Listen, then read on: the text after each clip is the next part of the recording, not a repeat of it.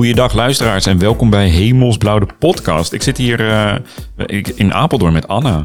Goeiedag aan iedereen en uh, wat een mooie dag is vandaag en uh, weer een opname. Ja, op een hele mooie locatie. Absoluut, absoluut. Het is altijd tof om hier te komen. Ja, echt in het hart van de politie bijna. Ja?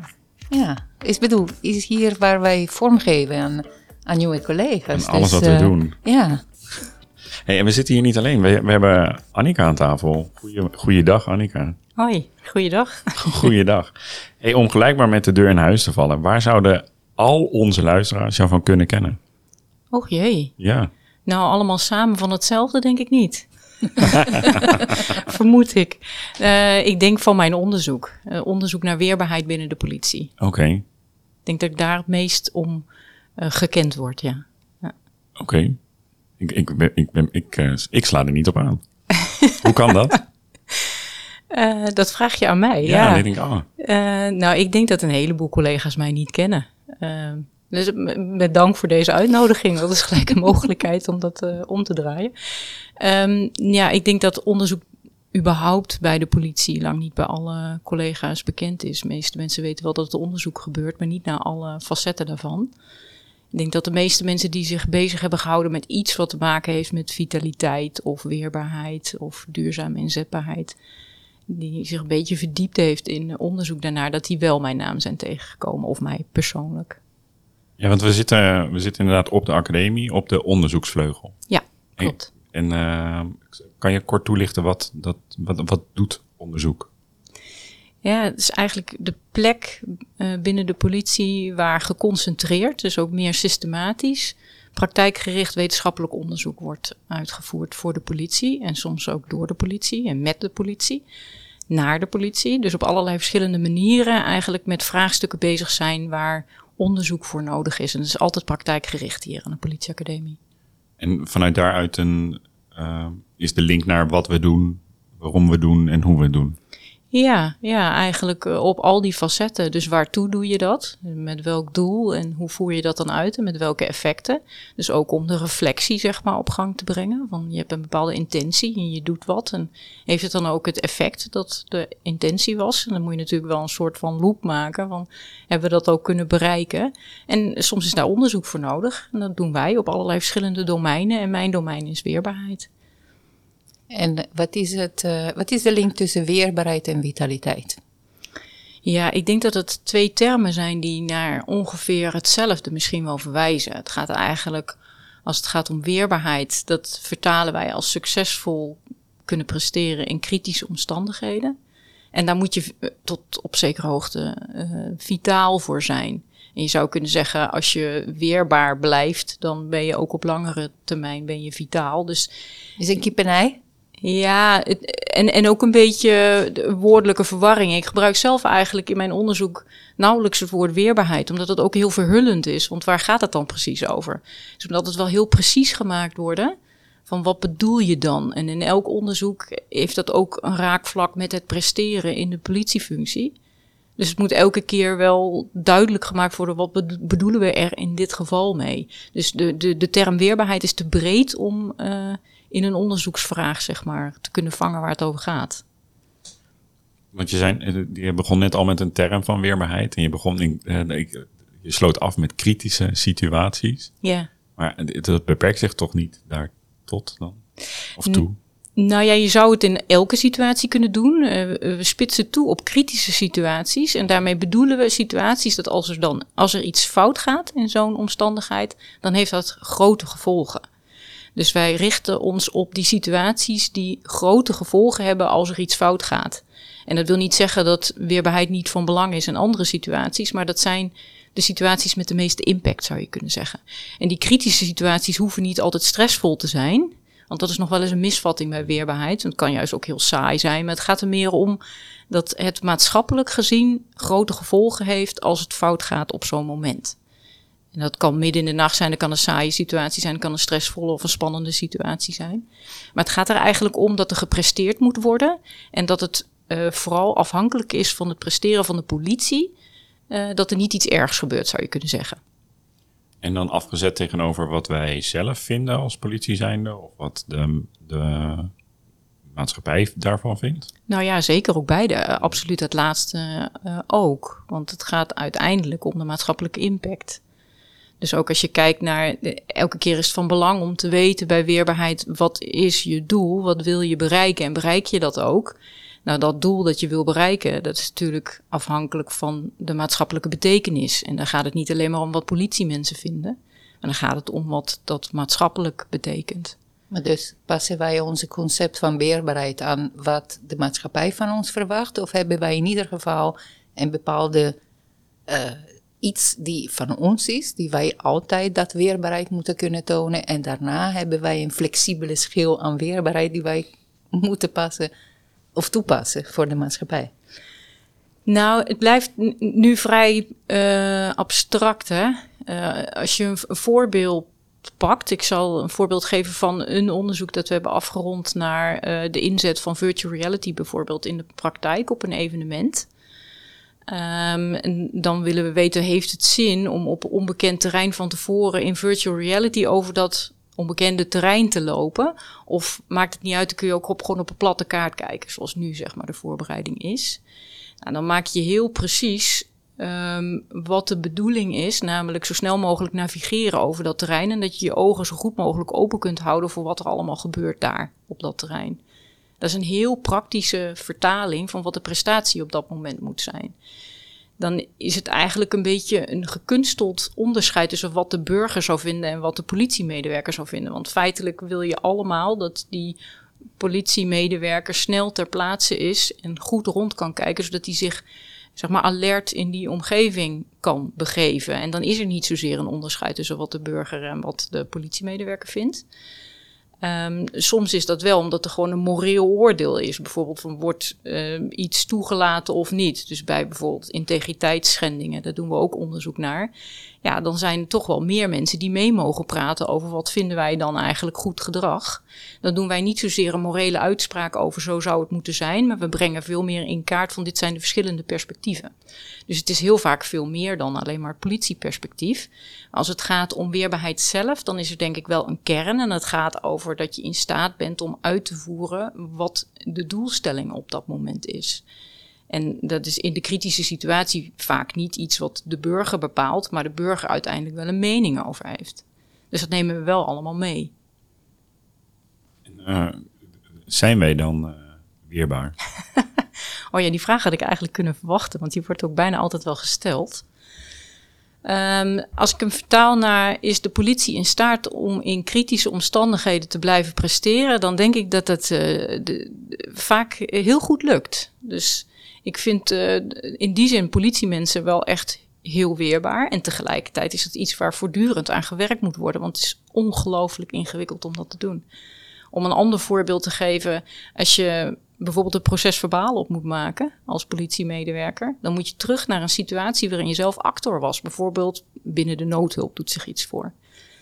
Nou, dan ben je eigenlijk bezig met te reconstrueren dat je zelf actief iets aan het doen was, maar dan moet je dan als een observator naar kijken.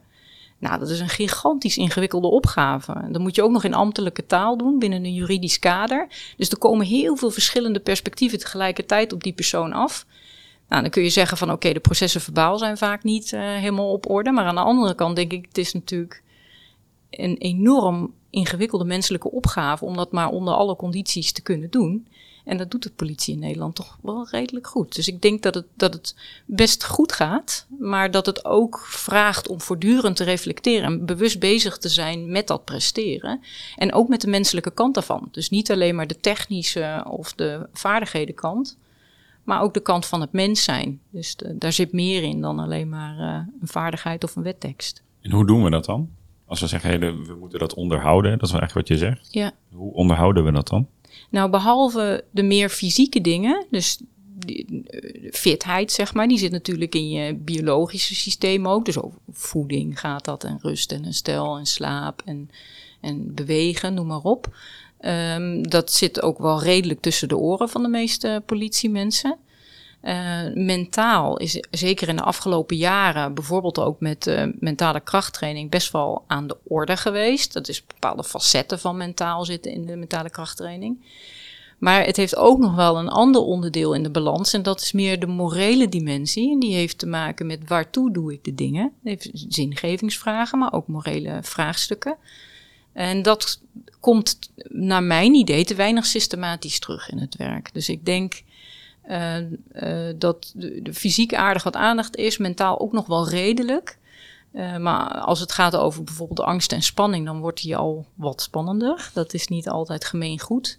Maar zeker op de, de morele as, dus waar het schuurt, ook met collega's, met wie je ook weer op de bus moet. Maar je zit er echt anders in de film bijvoorbeeld. Ja, dat, dat zijn dingen die nog wel wat reflectie en aandacht vragen. Wat meer dan dat er op, dat moment, op dit moment is. Dus het, jullie hebben in mijn hoofd gelezen, want uh, die was inderdaad uh, wat ik benieuwd daaraan was. Dus dankjewel voor, uh, voor dit. En wat bij mij binnenkomt, is het, als, alsof twee onderzoeken zijn. Eén is de Newtoniaanse wereld van het empirisch, weet je, van je kan meten en alles precies. En de andere is het kwantumonderzoek, van dat wij nooit niet eens een atoom hebben kunnen zien, maar wij gaan denken hoe dat gaat. Dus de ene is de feiten, die andere is de emoties. En hoe breng jij die twee werelden bij elkaar? Nou, het is net alsof je weet waar ik in de afgelopen periode mee bezig ben geweest. Oh, dat wist ik niet. Kijk, zie je? Nee, ja, heel grappig. Um, ik heb interesse voor beide. Dus de Newtoniaanse en de, en de kwantumfysische. Zeg maar de wereld van de mega kleine deeltjes, waarin het helemaal niet gaat om of er een fysiek deeltje is, maar meer dat gaat eigenlijk over mogelijkheden en kansen. Dat is een totaal andere opvatting.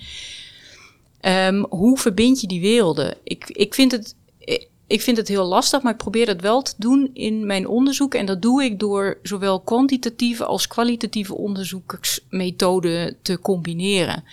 Um, dus we weten een klein beetje van hoe processen werken, bijvoorbeeld over stresshantering. Uh, hoe cortisol werkt in het lijf, bijvoorbeeld, hoe je brein werkt. Nou, dat zijn, de, dat zijn onderdelen die we een beetje weten. Uh, aan de andere kant proberen we dat te vertalen, die processen, naar wat er in de rijke praktijk van politiemensen gebeurt. We weten nog zo weinig van de werking van het brein bijvoorbeeld en de werking van het lichaam, dat we echt die kwalitatieve kant van wat voltrekt zich nou precies en waar is iemand mee bezig, echt moeten combineren met die andere methoden om beter te snappen uh, hoe politiemensen maar gewoon hun werk blijven doen. Die, het werk dat vaak heel erg ingewikkeld is om te doen.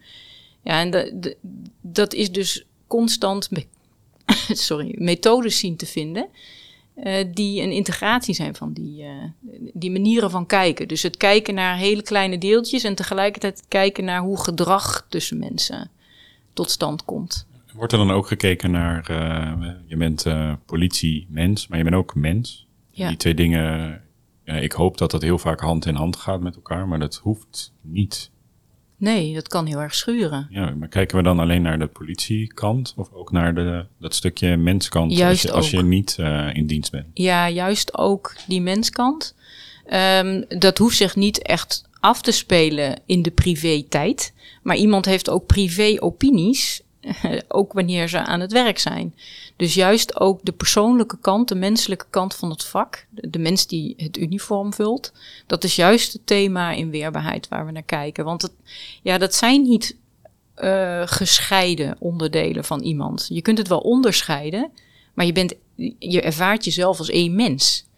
En je, je vindt als persoon er iets van, bijvoorbeeld als je iets moet handhaven in het kader van de coronamaatregelen. Maar eigenlijk ben je het wel eens met wat die demonstranten daar zeggen. Of je vindt dat ze een belangrijke functie hebben in onze maatschappij om juist op te staan om iets te zeggen. Maar jij moet daar wel handhaven, daar vind je iets van. En misschien vindt jouw collega daar wel iets totaal anders van. Uh, maar je moet wel weer samen op de bus. Dus de, en wat zeg je daar dan over? En hoe kun je bijvoorbeeld afkoelen nadat je een heel spannende inzet hebt gehad en je weet dat je met collega's bent die totaal anders inzitten? Nou, dat zijn allemaal dingen die hebben te maken met de privésfeer ook van mensen. En de clashes die kunnen ontstaan tussen verschillende waardeperspectieven. Nou, dat is eigenlijk het thema van morele weerbaarheid. En dat is ook verbonden met weerbaarheid van de groep. Omdat namelijk die in een groep komt dat tot uiting.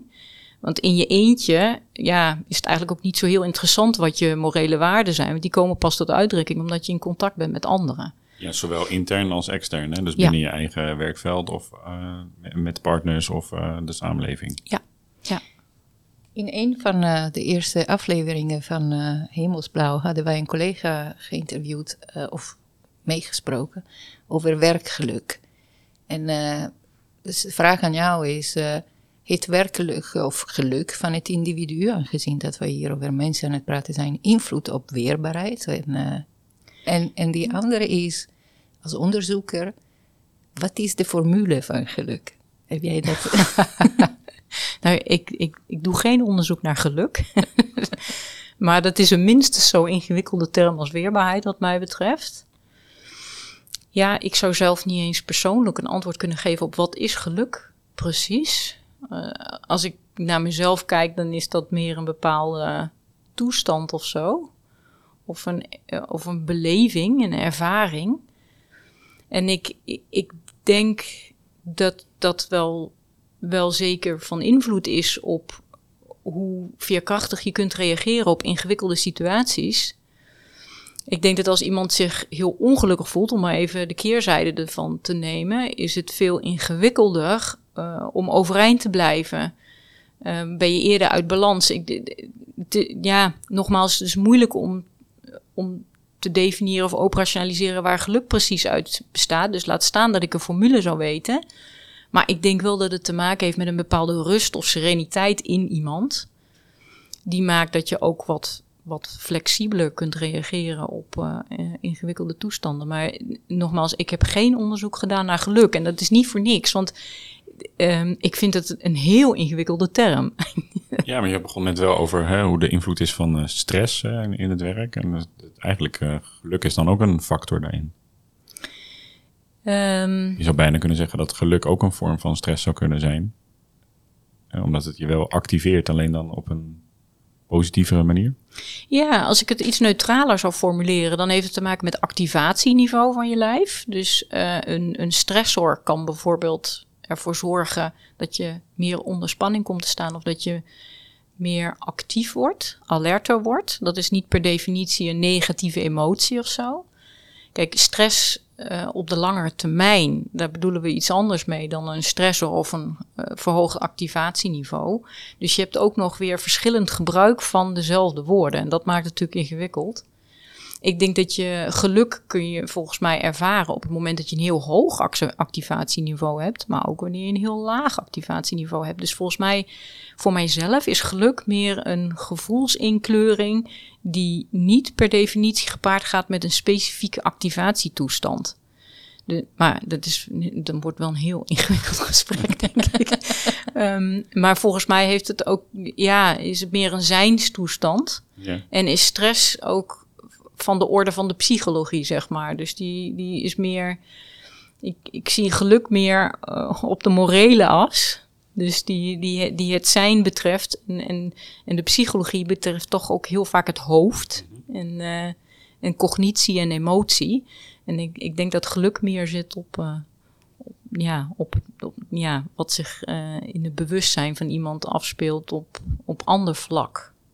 En als wij blijven bij wendbaarheid aan, Ehm, dat misschien meer, jij bent daar, je hebt meer voorbeelden daarvan. Weerbaarheid bedoel je? Ja. ja. Ben jij, ik was een H vergeten, sorry, is wendbaarheid. Sorry. Ik ja, maar weer, weerbaarheid. Ja, weerbaarheid. Niet wendbaarheid. Want daar heb ik toevallig deze week ook nog gesprekken over gevoerd. Wat is het verschil tussen wendbaarheid en ja, weerbaarheid? Ja, daarom. Nou, dus uh, ik was zelf in de war. Dus uh, geluk, wendbaarheid, weerbaarheid. weerbaarheid. Uh, ben jij weerbaar? En dan als jij naar jezelf onderzoek, op, op jezelf onderzoek doet of jezelf observeert, wat maakt het zo dat jij het gevoel hebt uh, weerbaar te zijn? Oh ja, goede vraag. Um, nou, ik heb sowieso moeite met categorische uitspraken doen. Dus zeg maar uh, wel, wel of niet uitspraken te doen over uh, of iemand weerbaarheid, weerbaar is of niet. Of dat nou mijzelf betreft of iemand anders. Ik zou dat eigenlijk niet zo goed kunnen. Um, eh, wat ik liever doe, uh, is mezelf vergelijken. Als, als ik een uitspraak moet doen over mezelf, uh, nou, in vergelijkende context brengen met hoe het is geweest. Dus ben ik, voel ik me nu weerbaarder dan dat ik me bijvoorbeeld vorig jaar voelde. En dat is ook wel enigszins een graadmeter. En waar let ik dan op? Nou, meer of het in balans voelt. Dus dat ik het idee heb dat ik bezig ben met de dingen die er voor mij toe doen. Dat ik daar niet te veel stress over heb, maar dat ik daar geïnspireerd en zeg maar met motivatie me ertoe zet. En niet dat ik me ertoe moet zetten. En dat ik voldoende energie voel, zeg maar. Dus dat zijn bepaalde graadmeters. En of dat in lijn is met elkaar. Dus uh, heb ik energie voor de dingen die ik dagelijks doe en zit dat op het gebied waar ik me ook graag mee bezighoud en waar ik iets wil bereiken. Dat zijn voor mij wel van die vragen die van belang zijn. Ik, ik denk niet dat er een wel of niet onderscheid tussen mensen is van die is weerbaar en die is niet weerbaar. Ik vind dat heel gevaarlijk om te doen. Uh, ook omdat ik denk dat er verschillende processen zich tegelijkertijd kunnen afspelen voor mensen. Dus ik kijk meer naar, voltrekt een bepaald proces uh, zich op een weerbare manier. En dat kan tegelijkertijd in één persoon zijn, dat het ene wat weerbaarder en het andere wat minder weerbaar gebeurt. Het is ook, ik zie het ook niet zo dat iemand die bijvoorbeeld het op een bepaald moment moeilijk heeft, of een burn-out, of anderszins, dat zie ik niet als iemand die niet weerbaar is. Dus het is voor mij meer een proces waarin je bezig bent met jezelf. En uh, ook bezig bent met uh, dat, dat je in balans blijft. Is dat dan een uh, heel bewust proces? Als je voor jezelf kijkt, ben je heel bewust met de dingen bezig uh, langs met, met die vergelijk van toen? Of ehm, overkomt het jou ook wel eens? nee, joh, het overkomt mij ook geregelmatig. Uh, ja, soms word ik er gewoon um, toegebracht, zeg maar, omdat zich iets voordoet. Of ik merk dat ik last heb van mijn schouders. Denk, oh, wacht even, dat is opgebouwde spanning. Dus dan moet ik even terug. Want wat, wat heb ik vandaag gedaan? Dus ik, ik leer wel steeds beter kijken naar, nou ja, wat zou er dan aan de hand kunnen zijn. Maar het is niet zo dat ik daar uit mezelf nog voortdurend mee bezig ben. Ik heb wel eens bepaalde momenten dat ik denk van, oh, dat, daar, daar maak ik me nu helemaal niet druk over. En dat was vorig jaar wel zo. Dus dat komt dan vanzelf een beetje voorbij, die vergelijking met voorheen.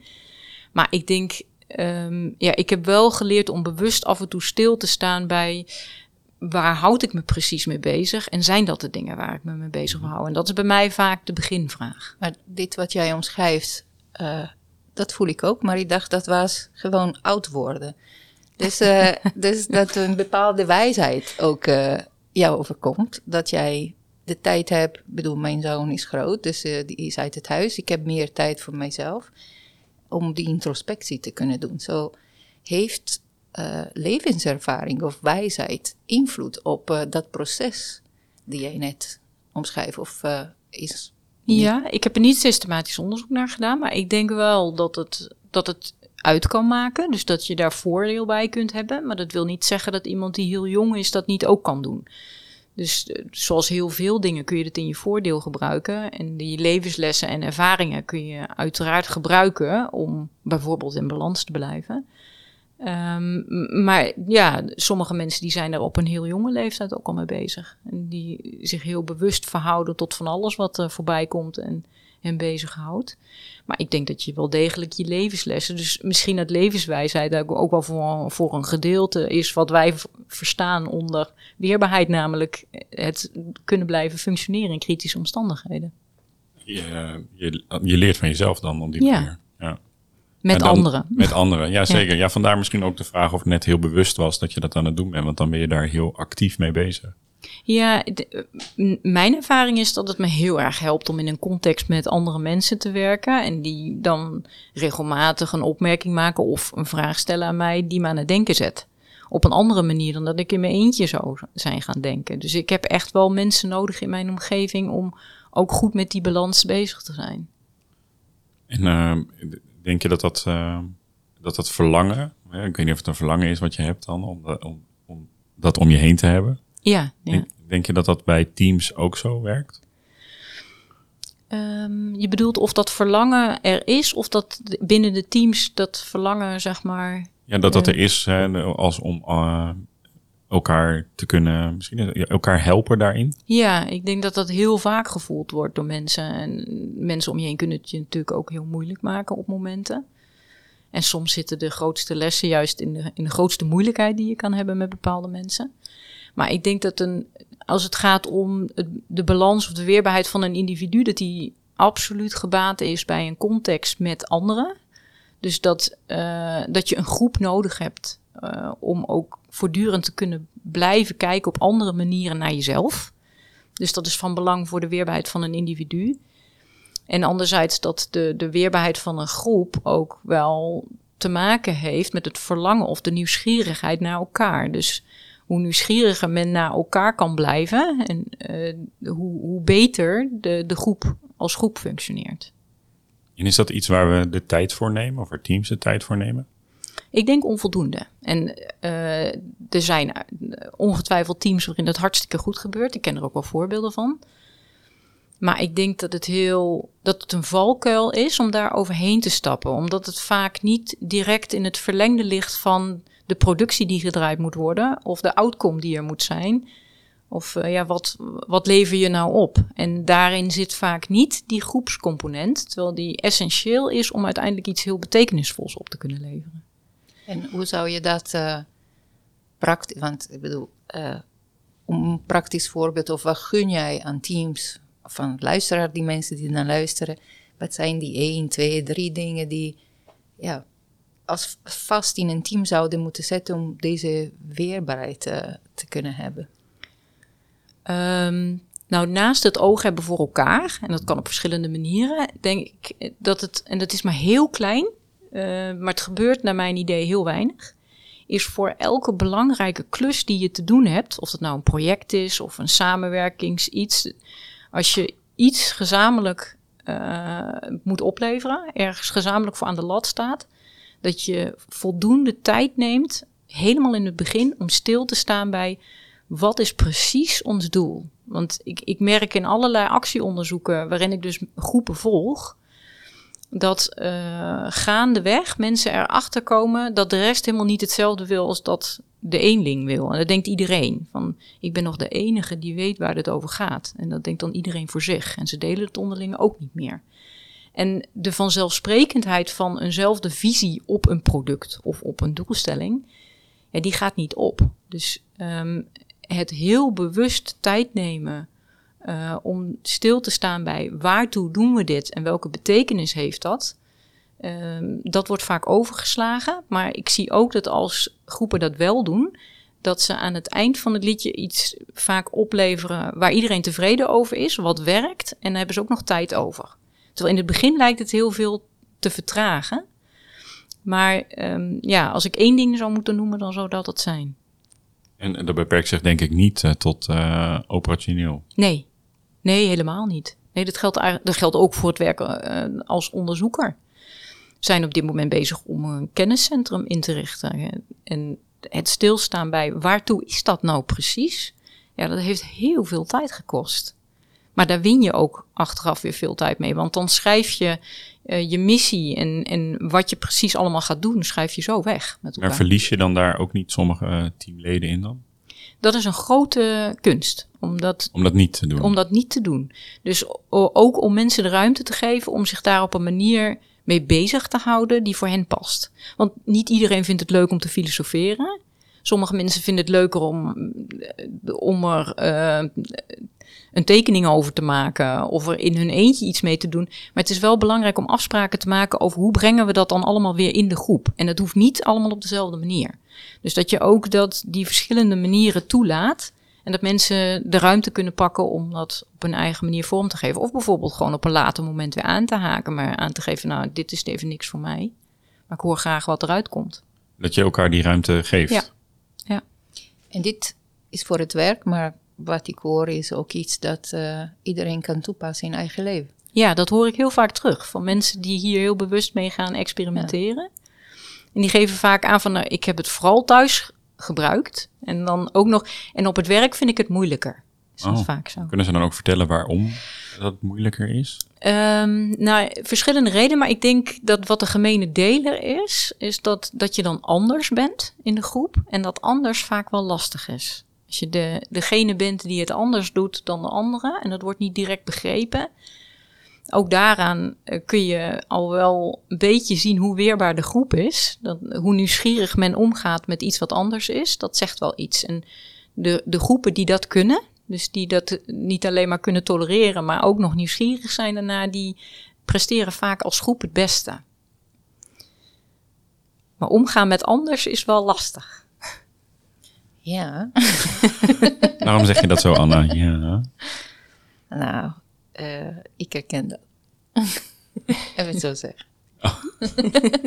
Jij bent ook wel eens het anders. ja, ja, ja. Er is een bepaalde vorm van eenzaamheid in het anders zijn. Zo, ik kan me voorstellen dat sommige mensen dat niet zouden durven te doen. Want uh, er is ook een prijskaartje daaraan. Uh, anders zijn betekent ook eenzaam je voelen soms. Dat, kan, ja. En, uh, en dan, maar dan wat mooi is in alle jaren dat ik bij de politie werk. ik heb altijd mensen gevonden die, die een plek voor mij hadden en een oor voor mij hadden. Jij bent één, dat wij kennen elkaar 6000 jaar en Dennis ook, die hier is, maar meerdere. Dus misschien er is ook in jouw kenniscentrum of wat dan ook, ook een soort structuur creëren die uh, ondersteuning biedt aan mensen die zich anders voelen of anders zijn. En, en dat ze niet alleen zijn. Ja, je, zegt, je zegt prijskaartje. Dat prijskaartje Prijs, bedoelde je is dat het eenzaam zijn? Ja, dat je moet accepteren dat uh, het is jouw lot om anders te zijn soms. En dat er een, eh, een prijskaartje is, dat soms voel je je eenzaam. Maar in dat eenzaamheid, ik heb altijd die grootste inspiratie gevonden. Dus uh, ik zie dat niet als een straf, maar als een cadeau. Ja, en ik denk wat jij eenzaamheid noemt, um, wat, wat ik veel zie bij mensen die uh, zich anders voelen, zoals je net zei, um, is de, de dreiging van het niet bij de groep horen of het uit de groep gezet worden. Um, en dat roept toch bij de meeste mensen ook wel iets van ongemak of, uh, of, of angst op. En angst is een groot woord, dat weet ik, maar toch heeft het wel vaak daar iets van.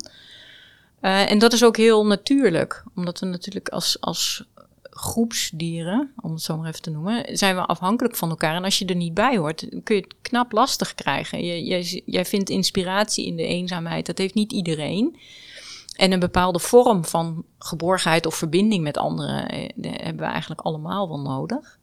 En ik denk dat uh, iedereen kan zich uh, op bepaalde aspecten wel een keer anders voelen. Ja. Ik denk dat we een, een, een, gemeenschap zijn van anders zijn. Maar dat het ook een kwestie inderdaad van moed is om, om te zien waar je anders bent dan de anderen. Maar ook waar de, gemeenschappelijkheden zitten. En juist ook het zoeken van de verbinding en waarin delen we iets. Dus wat maakt de verbinding echt heel erg belangrijk is.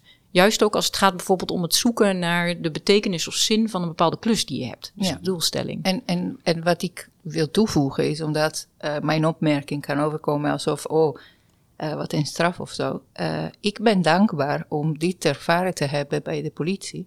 Want wij hebben in iedere keer verwonderen wij ons, uh, Dennis en ik, van hoeveel diversiteit zit bij de politie. Zo, iedereen voelt zich uh, anders, want iedereen van ons heeft een eigen talent. Dus wanneer ik zeg, is niet dat, wordt niet gestraft in de zin je wordt uit een groep, of tenminste, ik heb dat nooit zo ervaren. Maar wat mooi is, is dat bij de politie, uh, wij zijn zo verschillend dat er zoveel kansen zijn om ook jezelf te zijn. En het ligt ook aan jezelf om, om die kansen te pakken, te creëren, zodat jouw het verschil die jij kan maken als individu die anders is, wel geaccepteerd wordt. En uh, ik zie dat er zoveel veranderingen en initiatieven gebeuren binnen onze organisatie. En, uh, en daar ben ik blij voor, want er is ruimte voor het anders. Ja, en ik denk ook de, de condities die maken dat je makkelijker anders kunt zijn, zeg maar. Dat daar ook, ja, dat is een van de thema's die we aan het onderzoeken zijn, ook in, in het kenniscentrum. Dat valt dan onder divers vakmanschap. Maar dat heeft al heel snel de connotatie van man, vrouw of uh, migratieachtergrond. Of maar daar gaat het feitelijk niet om. Het, het gaat erom dat je iets anders inbrengt dan de dominante stroom op dat moment. En dat is ook super spannend. Dus ja, dat, daar kun je ook best wel als groep iets aan doen om die omgeving eh, zeg maar zo prettig mogelijk te maken, zo kansrijk mogelijk te maken om dat anders te laten. Ja, en op die manier complementair aan elkaar. Want ja. dat je eh, voorkomt dat je niet anders kan of mag zijn. Dat je dat dus nieuwsgierig blijft naar elkaar, eigenlijk wat je net uh, al Ja, en dat, dat kan natuurlijk heel spannend zijn. Als je het echt hartstochtelijk met elkaar oneens bent, Ehm, en dat, dat kan er ook zijn. Maar dat, dat is niet altijd even comfortabel. Uh, maar als dat er is, dan is het maar goed als het getoond wordt, wat mij betreft. Ja, ben ik helemaal mee eens. Ik, ik, ik denk dat het wel vaker getoond mag worden. Ja, ja, er speelt heel veel onder het oppervlakte. Ik denk dat dat ook te maken heeft met een bepaalde vorm van verlegenheid met zo'n situatie. En het ook wel voelen van, oeh, er speelt van alles. Maar als we, als we dat open gaan maken, dan gaat het veel te veel tijd kosten en we moeten door. Um, en de, soms is er ook gewoon geen goed moment voor, maar dan krijgt het ook geen opvolging. Terwijl als het onderhuid speelt, dan is het vaak, heeft het een veel grotere impact dan dat je het wel bekijkt. Maar ja, dan moet je wel um, handvatten hebben om daarmee om te kunnen gaan. En dat is ook best lastig. Ja, al denk ik soms dat dat veel dichterbij is. Hè? Als ik kijk naar uh, hoe het uh, vak wordt uitgeleerd en hoe het vak uh, oefenen, is het niet altijd practice what, what you preach binnen hoe we dingen met elkaar doen als het gaat over de dialoog aangaan en elkaar willen helpen. Mm -hmm. Vind ik soms ja, vind ik interessant. Ja, je, je noemt nou ook, dit is interessant, je, je zegt de dialoog aangaan. Uh, en ook daarvoor hadden we het even over onderhuidse conflicten. Hè? Nou, hoe verhouden die zich tot elkaar? Dat is ook heel erg lastig. Want de dialoog aangaan betekent dat je op basis van gelijkwaardigheid open naar elkaar luistert en niet veroordeelt. Terwijl tegelijkertijd, als je een conflict hebt, dan vind je iets. Dan vind je iets. Nou, en dat zie ik wordt heel vaak verward binnen de politie. En dan vind ik de link, zeg maar, wat we dan, uh, hoe we de taak vervullen als politie zijnde in de maatschappij. En die rol die we daar hebben. En uh, toch, een, uh, denk ik, geëquipeerd zijn met vaardigheden om daar te helpen in het gesprek of in de dialoog. En dat dan zelfs soms vergeten als we binnen onze eigen muren zijn. Ja, dan wordt, het, dan wordt het ook spannend, hè? want dan wordt je eigen waarde geraakt. En op het moment dat dat zo is, waarden zijn, zijn verbonden met emoties. Dus op het moment dat je heftige emotie voelt, nou ga er maar vanuit dat een waarde geraakt wordt, want zo werkt dat. Dan wordt het heel moeilijk om dat nog precies te zien. En uh, ik denk dat het, het is super belangrijk om het onderscheid te maken tussen conflict of discussie aan de ene kant en dialoog aan de andere kant. En op het moment dat iets hoog zit en je wil iets kwijt, dan kun je maar beter niet jezelf forceren in een dialoog. Want dan moet er eerst iets uit. Dus als je iets vindt, dan vind je iets en spreek dat maar uit. En vervolgens kun je Ga misschien... dan een dialoog in exact. Maar vaak wordt het dan verstopt in termen van een vraag of ik ga de dialoog aan, maar dat wordt gevoeld als iets wat niet klopt. En dat is dan op dat moment ook zo, want iemand vindt feitelijk wat. Er is niks mis met een oordeel, maar je moet het wel onderscheiden van de dialoog. En wat je nu zegt, brengt mij tot andere gedachten. Uh, ik wou kijken naar de maatschappij bijvoorbeeld. Uh, social media heeft. Uh, de weerbaarheid uh, aangetast. In de zin wat je net zei, mensen hebben een oordeel. Dus heb je mensen die via social media vaak niet het dialoog voeren met elkaar, maar hun eigen mening naar voren brengen. Is, uh, wat is de weer, weerbaarheid? Wij zijn over weerbaarheid. Ja. wat is de weerbaarheid van de maatschappij? En heeft uh, social media dat veranderd? Dat bereidheid om naar elkaar te luisteren? Ja, ik denk dat dat veel impact heeft. Uh, misschien niet dat, uh, dat alles in één keer veranderd is, maar het is een uitlaatklep en een uitlaatklep voor dingen die niet direct de dialoog stimuleren. Dus ik denk dat het debat voeren, de discussie aangaan, het conflict, polarisatie, dat dat wel versterkt wordt door dingen als ja, dat soort kanalen via sociale media. Uh, en dat het dus ook zoeken is naar manieren die ook de vorm van dialoog op kunnen pakken. Want beide zijn volgens mij nodig. Op het moment dat je iets heel heftig voelt, dan zul je dat toch ook moeten uiten. Maar aan de andere kant, om verder te kunnen met mensen die andere dingen vinden en voelen, is de dialoog weer nodig. En ik denk dat social media in ieder geval op dit moment nog niet een kanaal is om die dialoog te stimuleren. Dus het heeft wel degelijk effect. En dat heeft natuurlijk ook effect op politiemedewerkers, want die krijgen dat allemaal mee. En die filmpjes die van hen zelf staan natuurlijk, die circuleren ook. Dus het is wel een extra factor van druk, kan het zijn. En is dat dan ook onderdeel van het onderzoek? Nou, op dit moment doen we daar niet heel specifiek onderzoek naar. Maar is één van de factoren. En die bijvoorbeeld ook in, in als het een vragenlijstonderzoek betreft, in een vragenlijst meegenomen kunnen worden. Uh, maar in de meer kwalitatieve onderzoeken kijken we ook gewoon rond van ja, wat treffen we allemaal aan in een situatie die mensen beïnvloedt. En, en soms is het, stappen mensen er ook prima overheen. Het heeft helemaal te maken met de situatie op dat moment in hun leven. Soms raakt iets en soms ook niet. We zitten deze week eh, zijn we in voorbereiding voor de Vitaliteitsweek die er is. Dat is een nationale week die georganiseerd wordt. Ja. Uh, wat betekent vitaliteit voor jou? Um, je gaf net aan dat het is een onderdeel van wendbaar kunnen of, eh, zijn en, en weerbaar kunnen zijn. Ja, als ik vitaliteit ja, dan kun je op heel veel verschillende manieren uitleggen wat dat betekent. Hè? Als, het, als het van het lijf is, dan denk ik, lichamelijke vitaliteit is uiteraard van belang. Um, maar als het te maken heeft met um, dat ik als mens kan zijn wie ik, wie ik ben, zeg maar, dan zit het veel meer op de morele as. Maar dan wordt vitaliteit eigenlijk hetzelfde als weerbaarheid voor mij. Dus ik vind het heel moeilijk om dat uit elkaar te trekken. Um, ik, dus ja, ik denk dat iedereen zal vinden dat vitaliteit van belang is, ook, ook voor het politievak. Maar wat daar dan mee bedoeld wordt, dat is dan een ingewikkelde opgave. Uh, maar volgens mij heeft dat alles te maken met weerbaarheid. En zou je die termen misschien wel kunnen uitwisselen? Als je vervolgens kijkt naar wat, wat hangt daar dan onder? Dat is, dat is je lijf, dat is waar Fysieks, je, iets mentaals. Precies. Uh, iets contextgerelateerd. Iets contextgerelateerd en het heeft alles te maken uh, met uh, kunnen bereiken wat ik te doen heb in dit leven. Dus het is ook, het is ook een heel erg moreel onderwerp. Ja, waarbij sommigen misschien zelfs de vraag hebben: wat heb ik te doen in dit ja. leven? Ja, daarmee bezig zijn ja. is volgens mij onderdeel van morele weerbaarheid, en, maar ook van vitaliteit. Dus ik, ik zie niet een heel scherp contrast of verschil daartussen. Ik weet ook niet of die er is hoor. Dat is, nee. uh, het was een verkennende vraag. Wat houdt jou vitaal, Dennis? Mij vitaal? Ja. Uh, ik, uh, ik merkte, toen Anneke net vertelde over de last van, zeg maar, die ze kan voelen in de schouders. Ik merk als je er ergens mee, druk mee bezig bent of misschien afgeleid bent van degene waarmee je bezig was. Dat zijn signalen voor mij die ik ook heb, dat ik dan een soort van onbalans heb. En het kan zijn omdat ik te druk ben. Maar het kan ook zijn omdat ik te rustig ben. Mm-hmm. Dat, dat merk ik. En uh, dan moet ik dingen gaan doen. Of dingen gaan laten. Ja, dan moet ik ook dingen doen, want dan moet je dingen laten. Dat, dat, uh, ik merk dat ik dat uh, de afgelopen periode met onder mijn vitaliteit schaar. Hoe kijk jij daarnaar dan? Nou, ik wil geen reclame maken en niks. Dus, maar ik heb uh, recent ontdekt een acupressuurmat.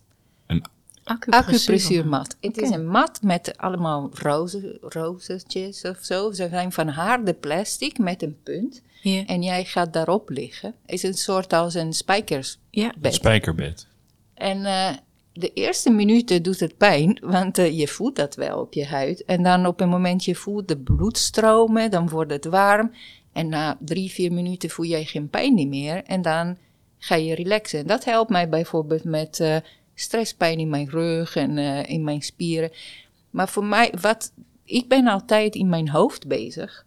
En uh, dus ik ben constant daar. En dit heeft mij op dat plein van het fysiek. Dus bewustzijn ja. van de pijn komt ergens, maar mijn lichaam is in staat om mij te helpen om dat op te lossen. Door de bloed te, daar te laten stromen, om de, om de spieren op te warmen. En uh, ja, dat vind ik zo. Het is bijna verslavend, want ik kan niet wachten in de avond om dat te doen. En dan slaap je heel goed hoor. Maar dat mix lichamelijk en hoofd, dat helpt mij wel om dat balans te houden. Ik denk wat jullie nu beschrijven, is eigenlijk jullie manieren om weerbaar te blijven of om vitaal te blijven. En je hebt allebei, beschrijf je dat je je eigen cues hebt, zeg maar. Je eigen signalen van, hé, hey, er is iets aan de hand. Of ik moet iets doen. Of iets heeft een effect op mij. En ik denk dat dat ook de kunst is. Om jezelf zo goed te kennen dat je herkent bij jezelf. Van, oh, dat gaat lekker. Of het is in balans. Of ik ervaar het als prettig op dit moment. Of juist, ik heb iets te doen. Of ik heb ja. iets te laten. En soms is de ingang fysiek. En soms is de ingang mentaal, omdat bijvoorbeeld als ik merk ik ben aan het piekeren of zo, Dan uh, dat zit meer op de stresscomponent. En soms is die ook moreel. Dat ik me afvraag van, is dit wel de richting die ik op wil in dit leven? En, en, dat is die intuïtie misschien. Wat ik uh, heel veel op reken in mijn leven is mijn intuïtie. Als mijn buik zegt dat het niet goed is, dan luister ik goed. Ja, en dat hebben politiemensen ook heel vaak. Het zit vaak in de buik. Ja. Buik kan natuurlijk, is ook verbonden met angst, maar er zit ook intuïtie. Dat zijn verschillende plekjes. Dan maak ik hem weer fysiek, maar dat is natuurlijk ook allemaal met elkaar verbonden.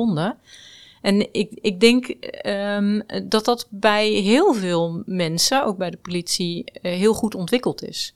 En ja, dan is het een kwestie van leren hoe het voor jou het beste werkt. Ja, maar op het moment dat jij probeert die intuïtie te rationaliseren, dan luister jij niet meer. Zo, in het onderzoek moet zo zijn dat het buik hoeft niet uit te leggen waarom ik dat voel. Anders als jij probeert dat te redeneren, dan ben je niet meer in je buik, maar zit je in je hoofd.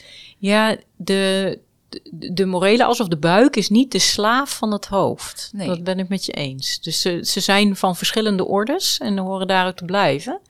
En uh, in het onderzoek uh, psychologiseren wij ook niet alles. Dus niet alles, de graadmeter is niet de psychologie. Het is een van de ja. onderdelen. Ja. En ik, heb, uh, ik neem pre- en probiotica iedere dag. Zo, die zijn mijn eigen onderzoekers. Die zorgen die alle die signalen oppikken. Ik heb nog een. Uh, wat als uh, luisteraars vragen hebben over weerbaarheid? Iets meer willen weten, in willen verdiepen? Ja, dan kunnen ze altijd contact opnemen. En bijvoorbeeld via de website van de politieacademie een vraag stellen. Ja. Maar ze kunnen ook rechtstreeks eh, contact met mij opnemen. Ik ben gewoon vindbaar in, uh, in alle systemen. In de systemen. Ja. En wij hebben luisteraars die ook niet uh, bij de politie werken. Is deze oproep ook voor burgers? Uh, ja, ook burgers kunnen gewoon rechtstreeks contact met de politieacademie opnemen. En die ja, dus gewoon naar de site van de academie, stel je vraag en dan komt hij op de juiste plek terecht. Precies, ja. Dat zij weten waar ze, hoe ze moeten uh, routen, zeg maar. Tof. Annika, dankjewel voor je tijd. En dankjewel voor je gastvrijheid hier. Ja. Jullie bedankt. Jij ja, bedankt. En uh, Dennis, dankjewel voor weer een mooie gesprek. En, ja, uh. Jij bedankt, Anna. En, en wel alle luisteraars. En tot de volgende Hemelsblauw. Ja, ciao. Ciao.